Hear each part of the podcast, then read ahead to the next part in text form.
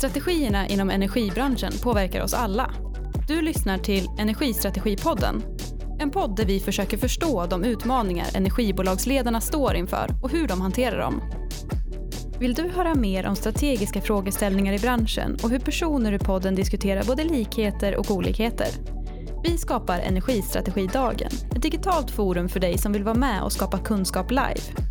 Gå in på energistrategidagen.se för att läsa mer om uppkommande anmälan och schema.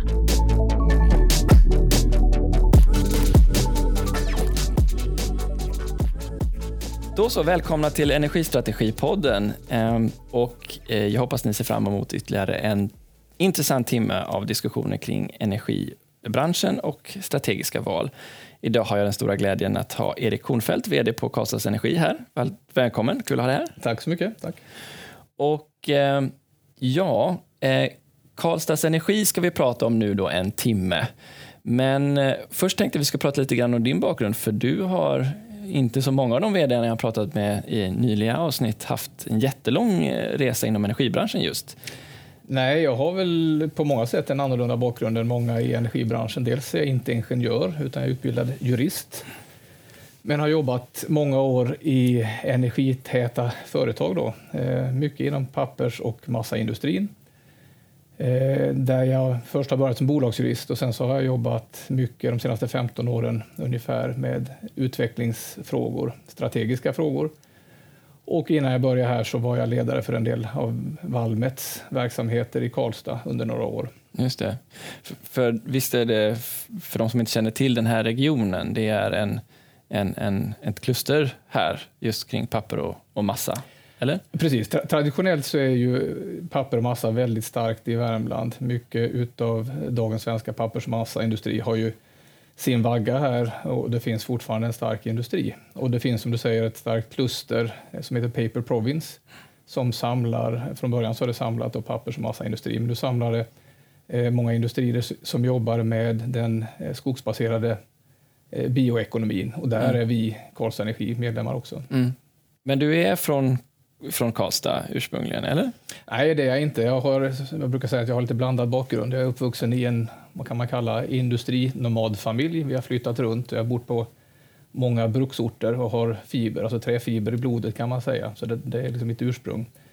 Och sen som vuxen då så har jag flyttat runt en hel del också. Men nu har jag bott i Värmland och Karlstad i, i 15 år. Mm. Hur är det, får man kalla sig värmlänning då? Eller? Jag, jag, tror det kräver några generationer innan okay. man kallas, kan kalla sig värmlänning. ja, det kanske är så. Jaha, eh, vad spännande. Eh, vad drivs du av? Jag drivs av utveckling. Eh, jag tycker det är intressant att utveckla personer och företag. Eh, förvaltning är inte särskilt roligt, men att, att se till att få företag att, att växa. Affärsutveckling och verksamhetsutveckling, alltså både externt och internt, det tycker jag är väldigt intressant. Och, och, får man koppla tillbaka då till liksom det här med att du kommer från en annan bransch. Och jag, jag, kan inte jättemycket om papper och massa, men jag vet att den har ju gått igenom sina konjunkturcykler och det har varit en del svåra år och man har fått anpassa kostymen. Hur, jag tänker från en sån ändå konkurrensutsatt eh, tung industri. Hur har det varit att komma in i energibranschen? Vad, vad är det för perspektiv du har? Ja, precis. Mer specifikt så har jag jobbat inte i själva pappers och massaindustrin utan i en, hos leverantörer till pappers och massaindustrin. Okay. Så det har varit ja. eh, Kvärner och Metso och, och Valmet. Men de påverkas ju naturligtvis av pappers och massaindustrin eh, som har gått igenom eh, många omgångar av, alltså det, det har varit upp och nedgångar eh, och då har, har ju vi tvingats anpassa oss eh, och utveckla oss. Det har varit extremt hårt konkurrensutsatt, konkurrensutsatt i i leverantörsledet där. Det har funnits mm. två eller tre eh, konkurrenter på varje teknikområde globalt eh, som har, har då ägat varandra och utvecklat. Så, så det är ju någonting som jag har med mig. Mm.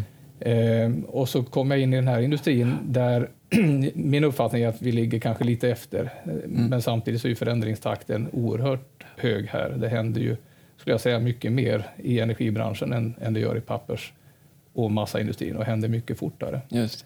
En fördel då med att komma utifrån och inte ha, eh, vara energiingenjör, det är att jag, jag kan eh, fortfarande efter, nu har jag varit här i ett och ett halvt år drygt, kan jag fortfarande ställa frågan varför.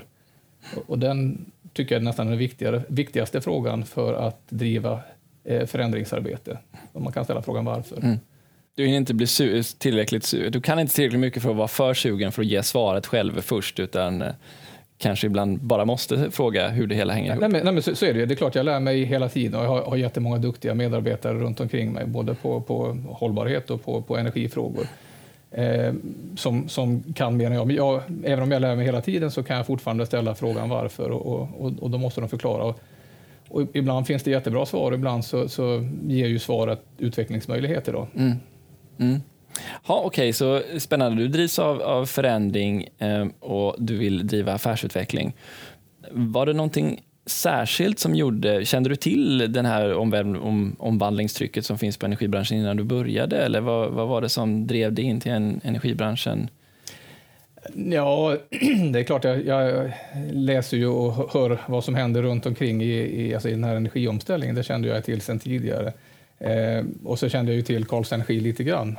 Och, och, när den här möjligheten dök upp så såg jag ett företag som är stabilt, eh, väl investerat, men eh, som står inför stora utmaningar som kräver utveckling. Eh, och det, det, tyckte jag var intressant. Mm.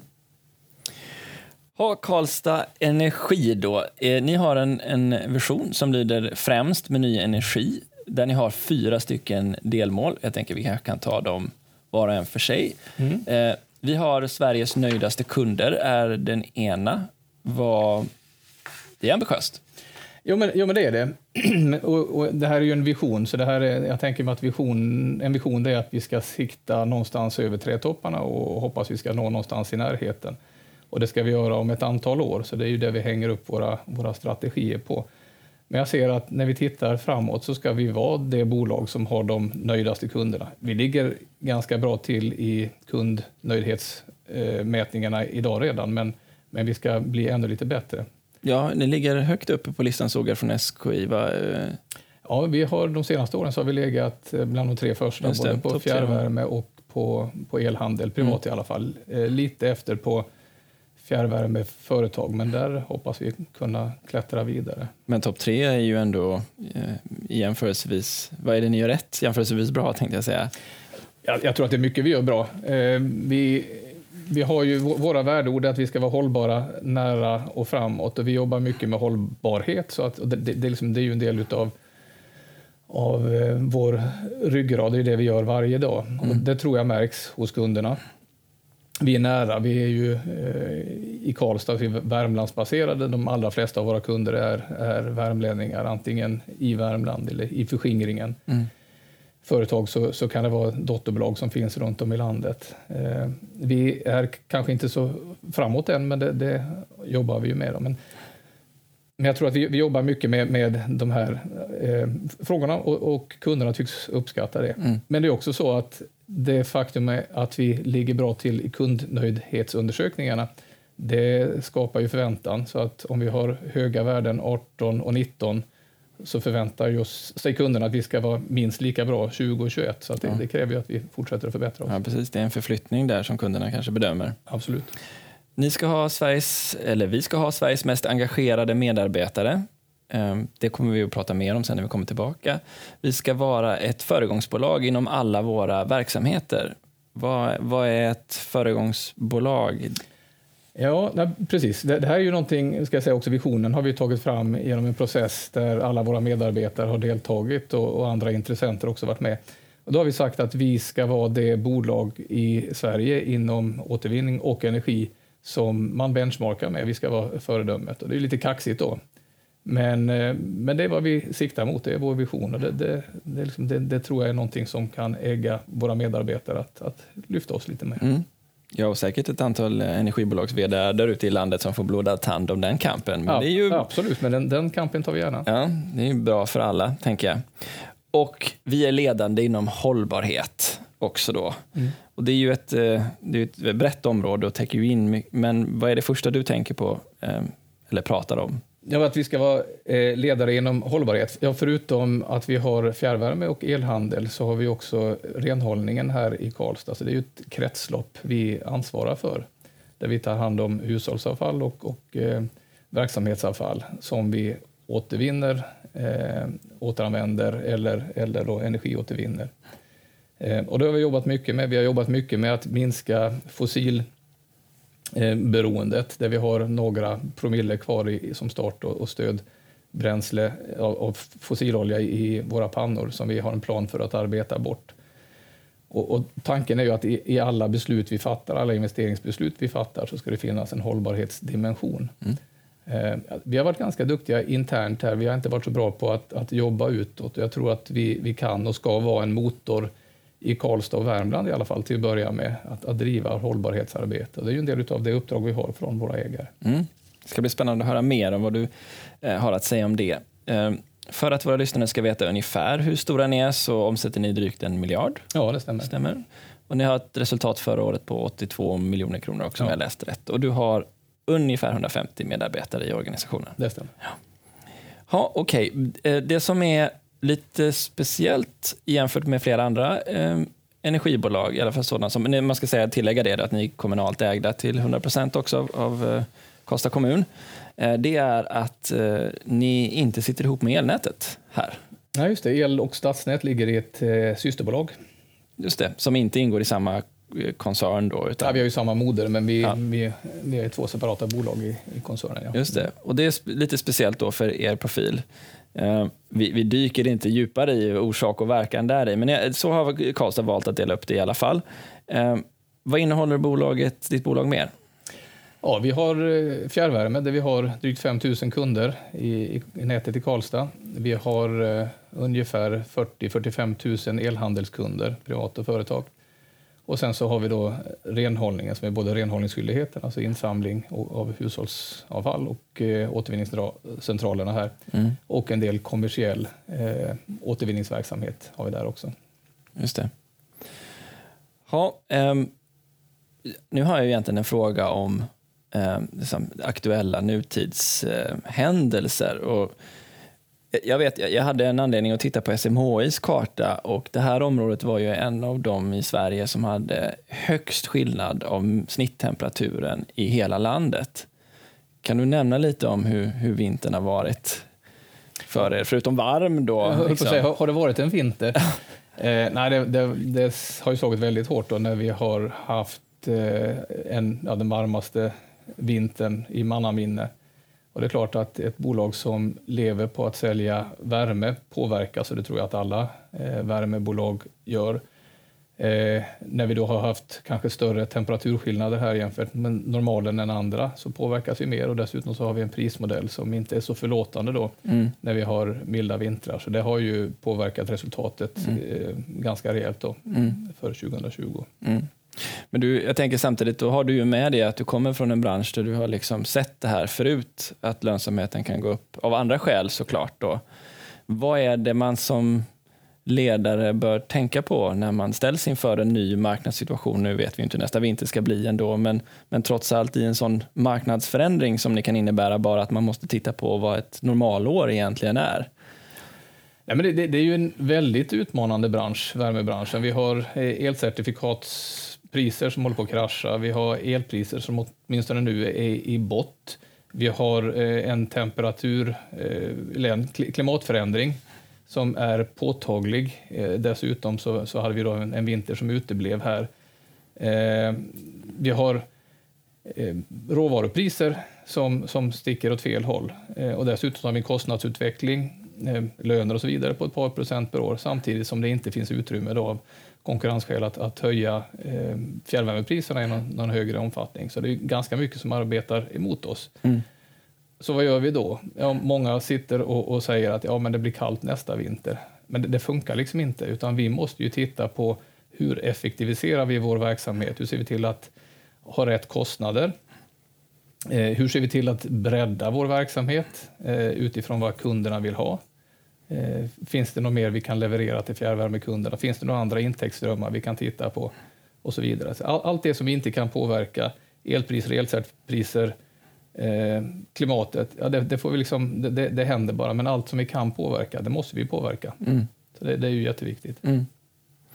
Ja, jag har läst mig till att många av de målen som ni styr på är just kopplade till en ökad försäljning. Um, och ni är ju, som Karlstads Energi har ju funnits här ett tag nu onekligen. Um, vad är det, hur, hur, sätter man igång en, så, en stor organisation mot att driva mot fler affärer? Hur har, nu, hur har du tagit dig an den utmaningen? Sen när, jag, när jag kom in här hösten 2018 så, så satte jag tillsammans med ledningsgruppen igång en ganska omfattande förändringsresa där vi samlade all personal och så tittade vi på eh, var är vi idag? Hur ser det ut i omvärlden? Vart vill vi? Var ska vi vara om fem år, tio år? Eh, och sen så hur, hur kommer vi dit? Eh, så, så det har vi liksom gjort. Och sen så har vi, har vi gjort mycket på kommunikationsområdet. Vi har haft en mycket tydligare målstyrning. Vi har börjat kartlägga våra processer eh, för att hitta förbättringar och för att hitta i något fall en, en annan organisation. Och så har vi pratat mycket om, om kund. Vi har alltså gjort resan, eller påbörjat resan ska jag säga, från att vara produktionsfokuserade till att vara kundfokuserade, att utgå från kunden. Mm. Alltså, kunderna som får våra produkter hemma, som får fjärrvärme hemma, är ju inte så intresserade av hur bra vattnet har kokats eller, eller vad det har varit för panna eller, eller hur vi underhåller, utan de har liksom andra, andra krav. Mm. Vad de är intresserade av är kanske inte fjärrvärme i sig, utan det är kanske att de, att de kan sova tryggt på natten. Mm. De be behöver inte gå upp och, och, lasta in pellets i pannan. Eller mm. De kanske är intresserade av att alla tonårsbarnen kan duscha hur länge de vill. Så, mm. och, och, det måste vi titta på då. Mm. Så det är dels säkerställa den där basleveransen. Vad är det, vad är det mer för kringerbjudanden som du ser framför dig? Eh, bland annat så vet jag att ni har satt mål på solceller. Och... Ja, precis. Och, och, och här har vi ju varit lite, lite senare då på bollen än många andra energibolag. Men vi ser att vi behöver öka eh, utbudet utifrån vad kunderna vill ha. Så vad vi tittar på det är olika solerbjudanden. Och både, både, både då till konsument, till, till företag och sen så eh, sol som, som elproduktion tittar vi på. Vi tittar på energitjänster eh, av olika slag och där är vi ganska nära att börja, börja eh, marknadsföra våra nya produkter. Vi tittar på kyla. Just det. Hur, hur är det med kyla? Har ni kyla idag? Eller? Nej, utan där, där, det gjordes en utredning för ungefär tio år sedan, men, men det föll då på att man inte hittade tillräckligt bra lönsamhet. Och det är lite oturligt då att vi inte gjorde det då, men nu har, vi, nu har Karlstad förtätats en del. Eh, så jag tror att det finns bättre möjligheter att hitta lönsamhet enligt den gamla kalkylen eh, idag också. Så det tittar vi på. Det kan vara en framtida investering, men, men framför allt så tittar vi nu på lokala kylaöar, absorptionskyla för, för vissa kunder eller kluster av kunder. Eh, där vi ligger ganska långt fram och det tror vi att vi kan kunna komma till, till affärer ganska snart. Mm. Och med möjlighet då att om och när vi fattar beslut om investering i fjärrkyla att kunna knyta ihop de här kyla öarna i den mån de ligger inom eh, ja, ett område där det finns tillräcklig volym. Då. Och varför gör vi det här då? Ja, dels så ska det naturligtvis finnas affär i var och en av de här, om det är sol eller om det är kyla eller om det är andra energitjänster. Eh, de måste ju ge svarta siffror. Då. Men det är också ett bra komplement. Det ger eh, lite ökade intäktsströmmar. Det kommer inte rädda fjärrvärmen i sig, men som ett komplement då så har kunden ett, eh, en palett av produkter och tjänster att välja på. Mm. Eh, och då tror jag att vi blir mer konkurrenskraftiga gentemot eh, till exempel värmepumpar. Ja, just det. Ja, men eh, vi, vi, vi går in på det området då, som rör mer liksom din utblick på kund och marknad. Det har ju historiskt sett varit en diskussion i, i Karlstad, man tittar tillbaka på om, om valet mellan värmepumpar och, och fjärrvärme. Hur, hur hur är Karlstads Energis position idag som du upplever det? För, för Karlstad är en expansiv region också. Ja. Det växer och Karlstad växer, och... ja, precis. Karlstad växer, men med någon eller ett par procent per år. Då, så, det är ju... så du möter också nyetableringar? Och... Absolut. Ja. Hur, hur står ni er i den konkurrensen? Vi står oss hyfsat väl. Vi, vi tar de flesta affärerna när, när eh, Karlstad växer. Men det är klart att vi, vi tappar någon då och då. Och det finns också eh, de fler bostadshus som väljer att konvertera då till, till värmepumpsalternativet. Och det tycker jag är onödigt. De, de ska vi inte behöva tappa. Men jag tror att vi återigen vi behöver ha en lite bredare produkt och tjänsteportfölj. Och sen så måste vi, och det tror jag alla i branschen måste göra, bli mycket bättre på att kommunicera eh, fjärrvärmens fördelar. Det är som sagt mm. inte varmvatten vi levererar, utan vi, vi måste bygga mer på vår kommunikation på att vi är, att vi är hållbara, eh, att vi är, är långsiktiga, att vi är mm. trygga eh, med den, de ägare som vi har i alla fall, mm. så kommer vi ju finnas där om, om 20, 30 och, och, och 40 år och längre fram också. Ja, just det. Och det kanske inte konkurrenterna gör då. Varför tror du det är så att kunderna idag inte riktigt kan se skillnad på en, en om det nu finns en skillnad såklart, då, men eh, en leverantör som erbjuder en, en värmepumpslösning och hävdar att den är hållbar kontra en fjärrvärmelösning och varför den är, är hållbar. Vad, vad, är, vad är det i värderingen av de två valen av hållbarhet så att säga, som, som kunden inte riktigt ser, tror du? Ja, jag vet inte, men jag är övertygad om att vi, vi måste bli bättre på att komma in i, i kundens huvud för att förstå det där. Vi mm. måste vara närmare kunderna och, mm. och, vi måste lyfta vår kommunikation. Återigen, gå från produktionsfokus till, till kundfokus. Ja, just det. Hur har ni det? Hur är det, vet du hur det är eh, elnätsmässigt här? Är det, finns det kapacitet i, i Karlstad? Det finns, det finns fortfarande kapacitet. Eh, nu eh, har vi ju inte så vitt jag vet, många nyetableringar som står på kö här. Mm. Eh, men det är kanske någonting vi borde arbeta med. Mm. Men det, det, är ju inte, inte min fråga direkt. Nej, det, det, är klart, det blir som en sidofråga. Jag tänker mer det att den är ju aktuell i lägen när man ska etablera eh, eluppvärmd eh, värme kontra mm. fjärrvärme. Att det kan vara ett problem i ett antal städer. Precis, men, men vi ser också utvecklingen med, med, med laddinfra som, som kommer att kräva en del utav, av, av nätet här. Då, så det, det, kommer ju påverka oss. Ja, Ja, för ni, ni antar jag också har en, en viktig position i att förstärka eh, frekvensen i nätet här med er kraftproduktion. Först en sån diskussion också här i, i Karlstad kring eh, kraftvärmens roll för den lokala stabiliteten. Ja, men, ja, men det gör det, fast inte, vi, återigen, vi, vi, är inte riktigt, vi tar inte den plats som vi borde göra mm. eh, här. Eh, vi har ju till exempel, nu var det ju många år sedan då, men, men vi har inte lyckats övertyga eh, sjukhuset, regionen, om att, att behålla fjärrvärme. Vi har tappat eh, universitetet, Akademiska hus, som har valt andra lösningar. Och då eh, har vi nog varit eh, lite för dåliga på att, att framhålla då fördelarna med, med fjärrvärmen och, ja, och kraftvärmen. Ska jag säga. Ja, för då tänker jag automatiskt tillbaka på de intervjuerna som varit med både Jönköping och Mellanenergi där egentligen de anfört exakt samma argument som du, om det här med helhetslösning och trygghet i leveransen som ett argument till varför sjukhusen där har valt stället fjärrvärme. Precis. Men eh, uppenbarligen så finns det ju skillnader då i hur, hur de olika regionerna bedömer, bedömer det där. Vad är, du, har, du har pratat lite grann nu, eller du har pratat en hel del om, om, om kunderna, eh, men vilka utmaningar ser du liksom för företaget på, på de här centrala marknaderna för er eh, framåt? Ja, det finns ju många, många utmaningar. Om man tittar på elhandel så är det ju en ganska snabb, rörlig marknad, eh, oerhört små marginaler. Därav, du, du var inne tidigare på volymtillväxt, att det är viktigt. Så, så är det ju. Vi, för att kunna hålla den kompetens som vi behöver så, så behöver vi ha en, en volym och, och, för att kunna hålla den lönsamhet vi har. Så att det där är det viktigt.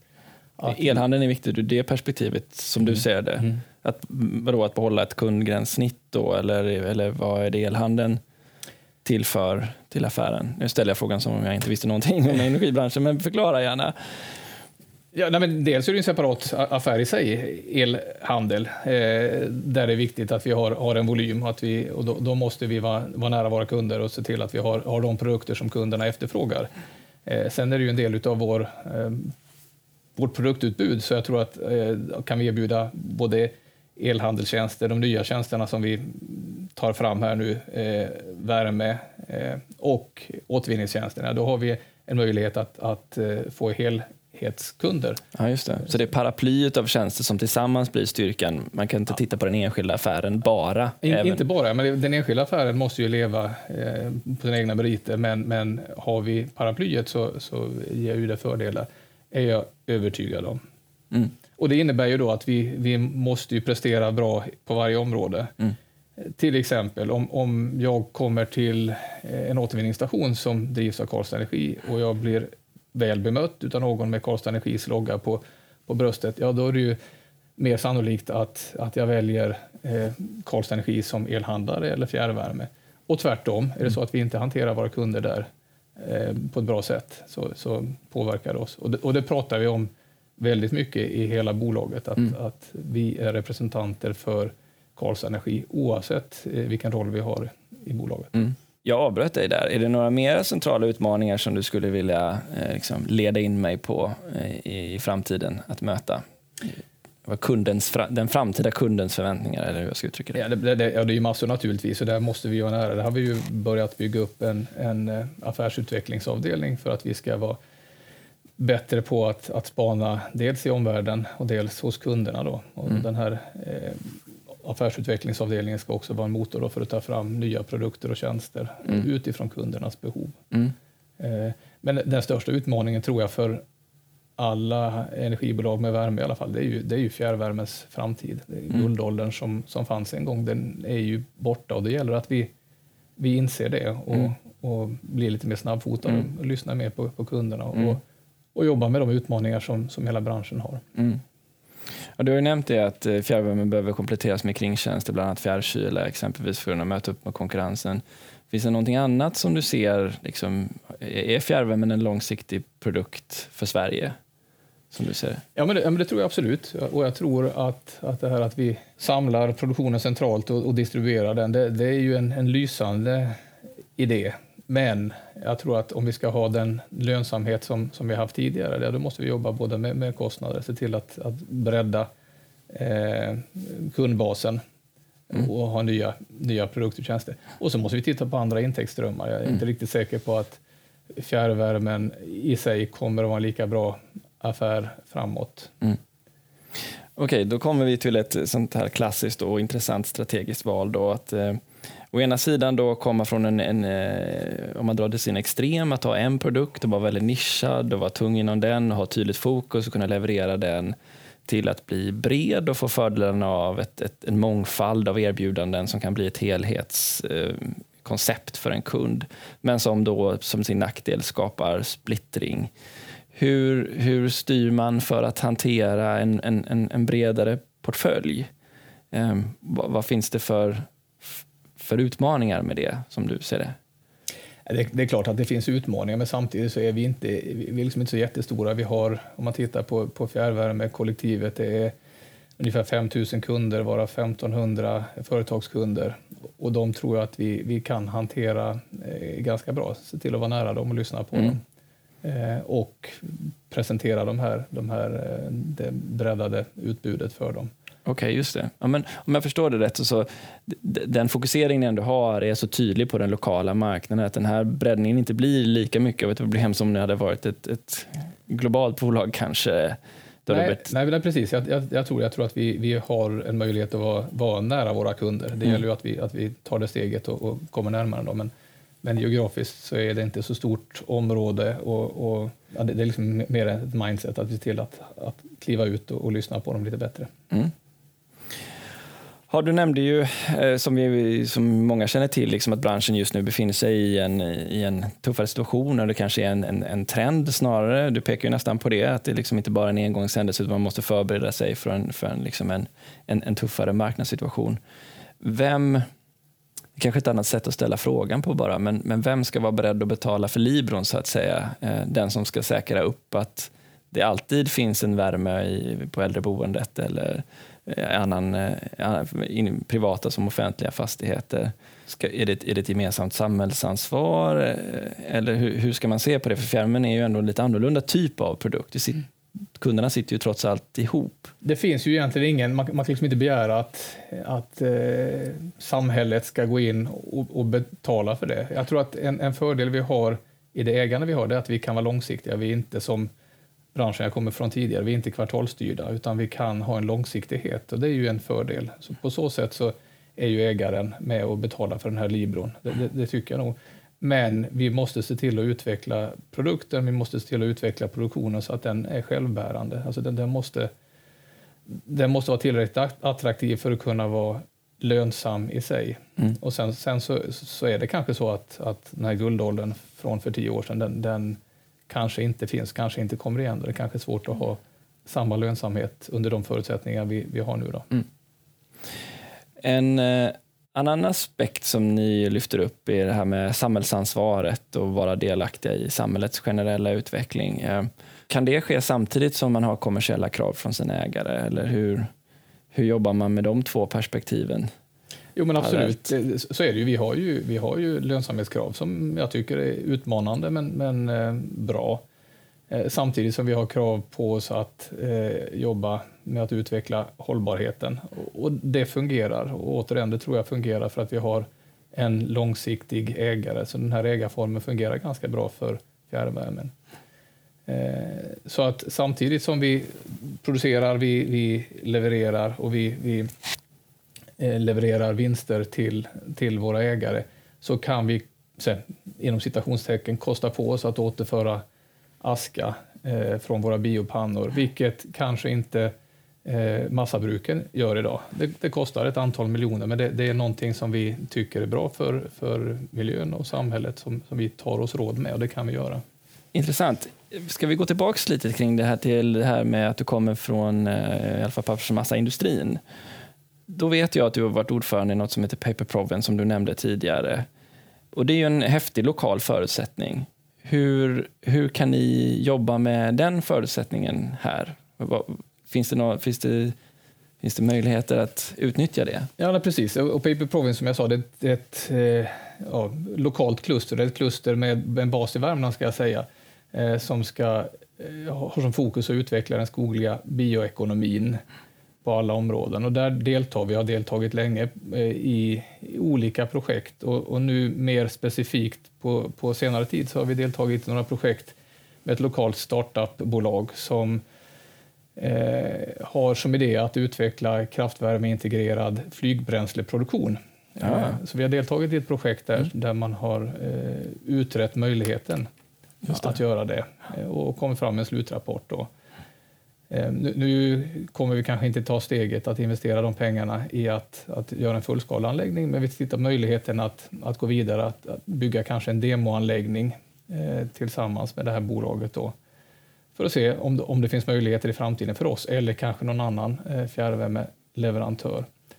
Eh, och om inte annat så, så, kan det leda till produktion av pyro, pyrolysolja mm. som vi skulle kunna då använda för att ersätta vår, den lilla, de promillerna fossilolja som vi har kvar här då, eh, som start och stödbränsle. Just. Men, men alltså, det här klustret Paper Province som företeelse är viktigt för då, då får vi inspel från andra branscher Eh, och då, förhoppningsvis så, så, får de inspel från oss som de tycker är nyttiga. Då. Eh, så vi, vi, tycker att det är jätteviktigt.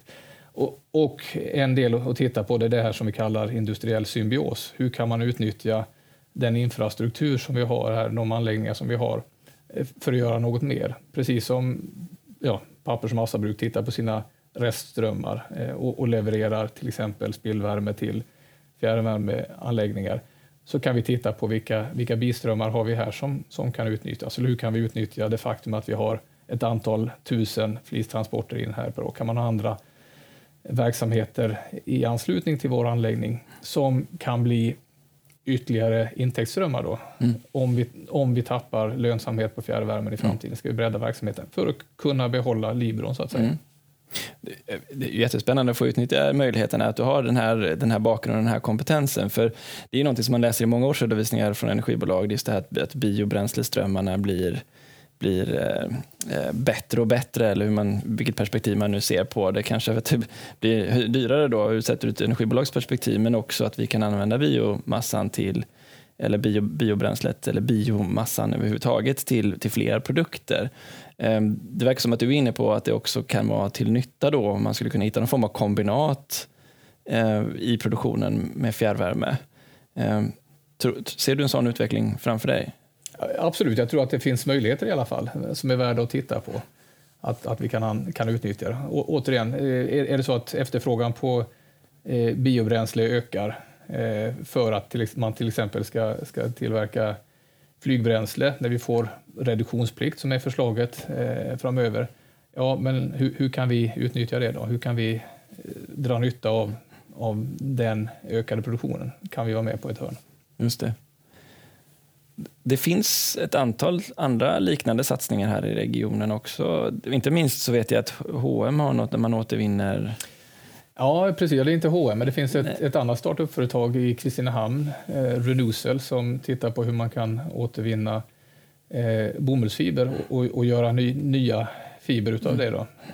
Så det, det finns ett företag där så finns det en testbädd där man tittar hur man kan utvinna lignin ur pappersmassaproduktion och se vad kan man göra av den ligninen. Det kan man ju, kan man ju elda med naturligtvis. Mm. Man tar ju det från svartlutet. Mm.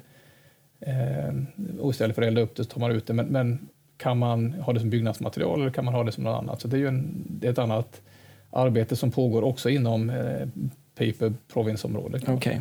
Och här har energibolaget en roll att spela som både möjliggörare och facilitator? Ja, men jag, jag menar det, att, att vi, vi har tagit en roll tidigare och vi kan ta en större roll där också i, i samarbetet. här. Mm. Eh, och, vilket gör att vi får en närmare kontakt också med, med pappersmassabruken. Vi har ju, har ju bra diskussioner till exempel med Stora Enso här i närheten och köper värme från dem. Och den, de diskussionerna kan fortsätta, kanske med andra utvecklingsområden också. Ja, just det. Um, det här med att gå längre och längre in i varandras affärer, är det, är det en trend som du tror kommer fortsätta? Ja, jag ser det som en möjlighet i alla fall. Man ja. tittar, tittar, på, om, om, om, vi tittar på våra eh, biströmmar och ser vad vi kan göra och andra gör det också. Mm. Så, så, finns, och, och vi, vi, sätter oss och tittar på de kartorna tillsammans så finns mm. det säkert eh, samarbetsområden som vi kan hitta. Mm. Förutsatt naturligtvis att det finns, finns en lönsamhet i det. Vi ska ju inte göra någonting som inte, som inte ger pengar i, i slutändan. Då. Ja, just det. Ni har till och med en eh, affärsutvecklare som sitter i Innovation Park eh, för att vara nära här. ja, nej, precis.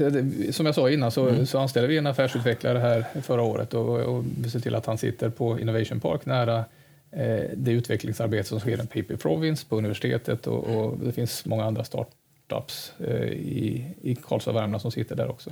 Så det tror vi att vi har nytta av både vi eh, och våra kunder, men förhoppningsvis kan vi dela med oss av eh, den erfarenhet och de kunskaper vi har mm. till andra bolag där också. Mm. Ni är, eh, sett till bränslesidan så har ni, är ni ganska stora på biobränsle. Ju. Så, ja, men ni har också avfallet från kommunen som ni tar hand om i en avfallsförbränning. Precis, vår, vår baslast kommer från en avfallsförbränningsanläggning här. Då. Eh, så vi, vi har tillstånd tror jag, att bränna 55 000 ton per år och är väl strax under det. Eh, vilket innebär att vi behandlar avfallet från hushållen i Karlstad kommun, en del verksamhetsavfall, men också avfallet från stora delar av Värmland. här. Så att det är ju, det, det visar ju också att vi som bor, vi, vi är ju långt ifrån störst i Sverige, men vi är ju definitivt störst i, i Värmland då, och här har vi en stor roll att spela. Eh, och, och, där är ju den här avfallsförbränningsanläggningen som vi har, då, det är ju en, en viktig del i det. Mm, just det, för ni har, både, ni har återbruken också, eh, eller åter, åter, återvinningsanläggningarna. Precis, ja, ja. Eh, och ni också, hur ser du på avfallets framtid inom Karlstads Energi? Ja, och det är en intressant fråga, för den, den pannan vi har den är eh, byggd 86, eh, eller uppstartad 86 och närmar sig slutet av sin, sin tekniska livslängd. Då. Så vi står ju inför ett ganska stort investeringsbeslut här. Ska vi, ja, ska vi lägga ner? Ska vi investera i en ny panna? Är det i så fall eh, med kraftvärme eller inte? Jättestor investering eh, och, och så, som då skulle eh, ta hand om, om avfallsförbränningen de närmsta 3, 4, 5 decennierna? Mm. Eller ska vi eh, livstidsförlänga då den här pannan som vi har? Hur, tänk, hur, hur, hur, tänker ni kring dess position i, i, i er produktionsapparat? Ja, men den är ju jätteviktig. Dels är det ju en eh, baslasten där, där eh, energiproduktionen är, är, kostnaden är ju lägre naturligtvis. Så det är viktigt för, för den prissättning vi har, men det är också viktigt för om vi nu investerar i ett fjärrkylarnät, eh, att vi har den, den eh, relativt billiga energiproduktionen, värmeproduktionen mm. under sommarperioden. Och sen är det viktigt för, för regionen här, det är ju inte bara Karlstad som jag sa, utan stora delar av Värmland levererar ju sitt avfall hit. Så skulle vi inte ha en eh, panna, avfallspanna i framtiden, ja då måste vi ju tänka på både Karlstad och andra kommuner här, vad, vad gör vi av vårt avfall? Så det, det, det som är en ja, relativt liten fråga, eller en stor fråga, men, men för, för, för mm. bolaget, eh, mm. det blir ju en, en väldigt stor fråga för regionen. Så mm. att vi, vi har, det är många som, som är med och tittar på vad vi, vad vi gör mm. med den här frågan framöver. Importerar ni något avfall? Nej, utan avfallet kommer från, ja, jag ska säga nästan uteslutande från Värmland faktiskt, mm. från närområdet. Ja, vart, vart skulle det ta vägen? Om det inte var här? Nej, precis. Och då får man ju titta på det. Jag misstänker att det är Mälardalen eller någonstans i Götaland, någon av de större avfallsförbränningsanläggningarna som, som, som vi skulle få skicka det till. Men, ja, det. men vi får se. Under året kommer vi fatta beslut i alla fall. Ja. Det, det, kanske blir så att det blir investeringar att livstidsförlänga pannan och mm. samtidigt då öka eh, effektiviteten eh, och, tillgängligheten och så vidare, så vi får mm. ekonomi i det också. Ja, det. Hur, hur viktigt är avfallet i er hållbarhetsprofil? Det måste ju ta vägen någonstans. Och... Nej, men absolut, visst är det så. Eh, och eh, det är ju... Ja, det, vi hörde på Karin här att det, det, finns diskussioner om vad man ska göra eh, med avfallet, men vi tror ju också på att när man väl har, har återbrukat återvunnit så, så är energiåtervinning det bästa sättet att hantera avfallet. Nu har vi ju behov av fjärrvärme här i Sverige så att det, det, det, ju, det fungerar ju ganska bra ihop också. Då. Mm. Eh, sen så arbetar vi fortsatt med att, att minska, det finns ju en fossilandel i, i avfallet, plasten där. Och, och det är bättre att bränna plasten än att, att gräva ner den naturligtvis, men mm. det gäller ju att få ut så mycket av den plast som kan återvinnas först. Och det, det, är ju någonting vi arbetar med också. Det har vi också i, som en del av våra mål. Just det. Just det. Eh, har ni biogas? Nej, vi har inte biogas, mm. utan vi sorterar ut matavfallet och så skickar vi det till Karlskoga som ah, biogas. Som gör biogasen. Okej, okay, så det finns i närområdet i alla fall kring det, det cirkulära systemet? Det... Precis, och, och, sen så tittar vi på att tillsammans med några lantbrukare här eh, bygga en biogasanläggning, men det får vi se hur det blir. Okay. Det låter som att ni jobbar, en, eller i alla fall har ambition att jobba en hel del med innovationsarbete. Och, eh, hur, hur får man det till stånd i en, i en organisation som, eh, ja, som ändå är relativt stor eh, med Karlstad mot mätt eh, och har eh, en, en, en, så lång tradition? Hur initierar, hur initierar man en, en vilja att våga ta nya affärer? För det finns ju alltid en strategisk risk, tänker jag, att gå in i nya affärer. Hur, hur, hur, hittar, man, hur hittar man drivet till det? Ja, jag tror det är ganska många delar som behövs. Först är det ju en mindset-fråga. Att eh, se till att få med personalen, medarbetarna, på att gå från att vara ett produktionsbolag till att vara ett kundfokuserat bolag. Eh, därmed är det inte sagt att vi inte ska fokusera på produktionen, för det ska vi göra. Eh, så att vi ska ha en, en, en avdelning som jobbar med drift och underhåll och som, som ska bli bäst på det. De ska fokusera på att göra det så kostnadseffektivt som möjligt. Men vi ska ha andra delar av bolaget då som, som är mer kundnära, som får mål på sig att, att jobba utifrån kunden. Eh, vi har organiserat om oss då, så vi har delat upp det som var värme tidigare till en energiproduktionavdelning och en energitjänsteravdelning med olika mål. Då. Mm. varför gör man det? Är det ja. Nej, för, att, för att varje avdelning, varje medarbetare ska göra det som, som är, är bäst för, för bolaget och det de är bäst på. Så att om energiproduktion får fokusera på att effektivisera anläggningar och se till att vi har rätt anläggningar, då, då kan de bli, bli ett föregångsbolag där. Mm. Om vi får, har en avdelning som, som fokuserar på distribution av fjärrvärme och andra energitjänster, ja, då kan de bli, bli bäst på det då, och mm. ha mål på det.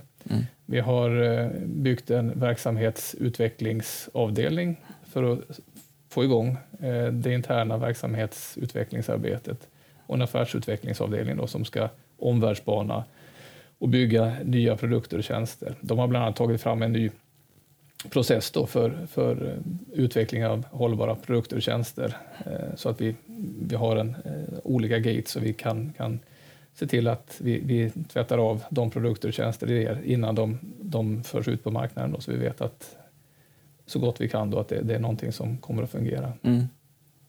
Och, och, vi, vi, har, vi för en diskussion, vi uppmuntrar medarbetarna att, att ta fram förslag till nya produkter och tjänster. Det är ju inte, det är inte verksamhets eller affärsutvecklaren i sig som ska, ska ta fram dem, utan det är ju, han eller hon ska vara ett stöd till medarbetare och kunder när mm. vi fångar upp idéerna och sen samlar dem. Så vi har en, en eh, ja, ganska lång kö med med idéer till nya produkter och tjänster i en tratt då, som ska in i, in i den här nya processen. Ja, just det. Okej, okay. så det finns mycket idéer upplever du att jobba vidare med? Absolut, det gör det. Och det, det, har ju, det är ju inte någonting som har uppstått nu, utan det har ju funnits i organisationen. Det är klart att de som är ute och träffar kunder, de, de hör och de som jobbar eh, på produktionsanläggningen, de, de, de ser ju också. Men, mm. men det gäller ju att, att ha en kultur där, där man lyfter de här idéerna. Mm. Och sen som sagt får, får vi testa dem och se att det finns en affärsmässighet i dem. Att det finns naturligtvis, utgångspunkten är att det finns en efterfrågan, eller kommer att finnas en efterfrågan. Men också att vi har resurser då för att, att kunna sjösätta de här produkterna och tjänsterna. Just det. Min eh, förutfattade mening eh, om, om pappers och massa är också att eh, den är, branschen är väldigt duktig på att eh, hålla sig effektiv över tid och inte få ambitionsglidningar. Och du har ju nämnt att liksom, att kostnadskontroll bland annat är någonting som, ja, men det är klart det är viktigt i alla verksamheter såklart, men, men hur jobbar ni med att hitta en bra styrning på, an, på det som är liksom anläggningstungt som ska förvaltas över ja, decennier som du sa? Ja. Ja, precis, och det jobbar vi en hel del med. Där kommer vi ifrån att, att det kanske inte har varit lika viktigt att jobba med effektiviseringar för att man får bra betalt för fjärrvärmen i alla fall och, och vintrarna är kalla och så vidare. Eh, så, så, det är ju en resa som, som vi behöver göra, som vi har påbörjat naturligtvis, där vi, där vi tittar mer fokuserat på vilka anläggningar ska vi ha? Mm. Eh, hur ska vi jobba för att och, och säkerställa att de drivs så effektivt som möjligt? Mm. Vad ska vi ha för mål på det? Vad är mm. det? Tillgänglighetsmål och så vidare. Mm. Eh, så att det, där, där ska jag säga att vi, vi har nog en del kvar att göra, men, mm. men vi har påbörjat den resan. Så jag plockar ut två saker där. Det ena är att jobba ännu mer målstyrt och förtydliga vilka målen är och det andra är att förtydliga och jobba med processer och metoder. Absolut. Det är de två som, ja. ni, som ni jobbar mycket med. Vad, och det är ju ganska universellt såklart, liksom, men vad är de stora utmaningarna med att driva den typen av beteendeförändring i organisationen?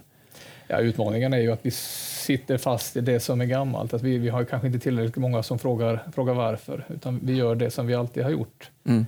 Eh, och, och, att förändra kulturer, det är ju det, det svåraste. Mm. Men, men vi har ett stort intresse bland personalen, så jag tror att det, det är en resa som vi kommer att, att klara av. Det, mm. det, det kommer ta lite tid, men vi, det, kommer, att, kommer att gå bra. Då. Mm. Eh, och, och, det här är också en resa att eh, göra från att vara helt säker. Att, att, att, det, det är klart att vi, vi måste ha anläggningar så vi klarar en, en riktigt kall vinter också. Men man måste ju samtidigt titta på eh, hur mycket anläggningar behöver vi ha för att klara en, en 100-årsvinter. Eh, och är det så att vi kanske inte behöver ha alla de reservanläggningarna, vi kanske kan köpa den värmen, även om vi får betala dyrt för den från någon annan. Hur, alltså, vi väger det mot varandra. Så vi, mm. liksom, vi tittar på allt. Vi, vi, mm vi, säger, vi, vi frågar oss varför till, mm. i varje steg, mm. det vi gör. Då. Ur lite annat perspektiv, hur tror du jag som medarbetare på Kostas Energi upplever att den här förändringen är påbörjad nu? Ja, undersökningarna vi, vi gör då, vi, vi frågar ju vår personal hur engagerade de är. Vi gör det varannan månad och, och det ger ju svaret då att alla har uppfattat att vi är på den här förändringsresan och de allra flesta uppfattar att de är med Vissa tycker att det går för fort naturligtvis. Jag kan ju tycka att det inte går tillräckligt fort, men det gäller ju att hitta en balans i det där. Då, så vi, jag kan ju inte springa eh, själv i förväg heller med ledningsgruppen, utan vi måste ju få med personalen också. Men, men den balansen tror jag vi har hittat ganska bra. Mm. Okej, okay. eh, om vi eh, tittar eh, framåt då. Det var bland annat då, liksom det här, hela, en, var en studie som visade på att eh, vi det är inte alla svenskar som tror på det här att vi kommer nå våra, våra klimat och miljömål och 1,5-gradersmålet. Ehm, kan, du, kan energibolagen vara en positiv kraft eller, eller vågar, vi, vågar vi tro på en, en klimat och energiomställning i samhället, tror du? Jag tror att vi, vi, i branschen måste nog tro på det och vi, vi måste gå före också och, och lyfta fram de fördelarna vi har men också vara beredda att ta investeringar som krävs. Så att vi, vi, kan inte göra det ensamma men vi kan vara en viktig del i den här omställningen. Både på den faktiska omställningen och sen så i diskussionen. Mm. Är, du en, är du en optimist? Ja, men det får man väl vara. Ja, ja det, ja absolut. Det, det, får man. Ja, men så är det. Det, det, är stora, det, det är stora komplexa skeenden som ska förbättras. Eh, vad, vad, tror du då det, det beror på att, vi, att, det är, att det är många som har en tveksamhet till, till vår kollektiva förmåga den kanske har ändrats nu med, med hela coronautbrottet i och för sig. Om du sätter det i ett sammanhang, hur ser du på verkligheten utifrån där vi befinner oss idag? Nej, men, nej, men så är det nog att det, när det väl blir allvar, när det är tydligt att det blir allvar, då är vi beredda att göra ganska stora uppoffringar och förändringar av, av vår vardag. Mm. Eh, egentligen så är ju sannolikt den här eh, klimatfrågan ännu mer allvarlig än vad coronafrågan mm. är. Mm. Men det har inte varit lika konkret eh, som det blir när, när folk runt omkring oss dör. Då, Nej. När vi märker det. Men kanske är det så att vi kan använda det momentum som ändå skapas här till att, att eh, skynda på omställningen som krävs då i, i, i klimatfrågan. Om du blickar framåt, jag ber dig om det omöjliga här, 20 år framåt i tiden. Vad, vad tror du då branschen står inför typ av utmaningar? Vad har vi löst och vad, vad finns kvar? Ja, precis. Det, det är ju, tänk, tänk, om det var som man hade löst alla utmaningar, kunde sitta, luta sig tillbaka och förvalta och så kommer det naturligtvis inte Väldigt vara. enkel fråga. Ja, ja. precis. Nej, det, det, är klart att vi kommer att lösa många av de utmaningar vi ser idag, men de förändras ju hela tiden. Samhället förändras. Eh, förutsättningarna för att producera el till exempel förändras på, på många sätt. Eh, hur vi använder energin förändras.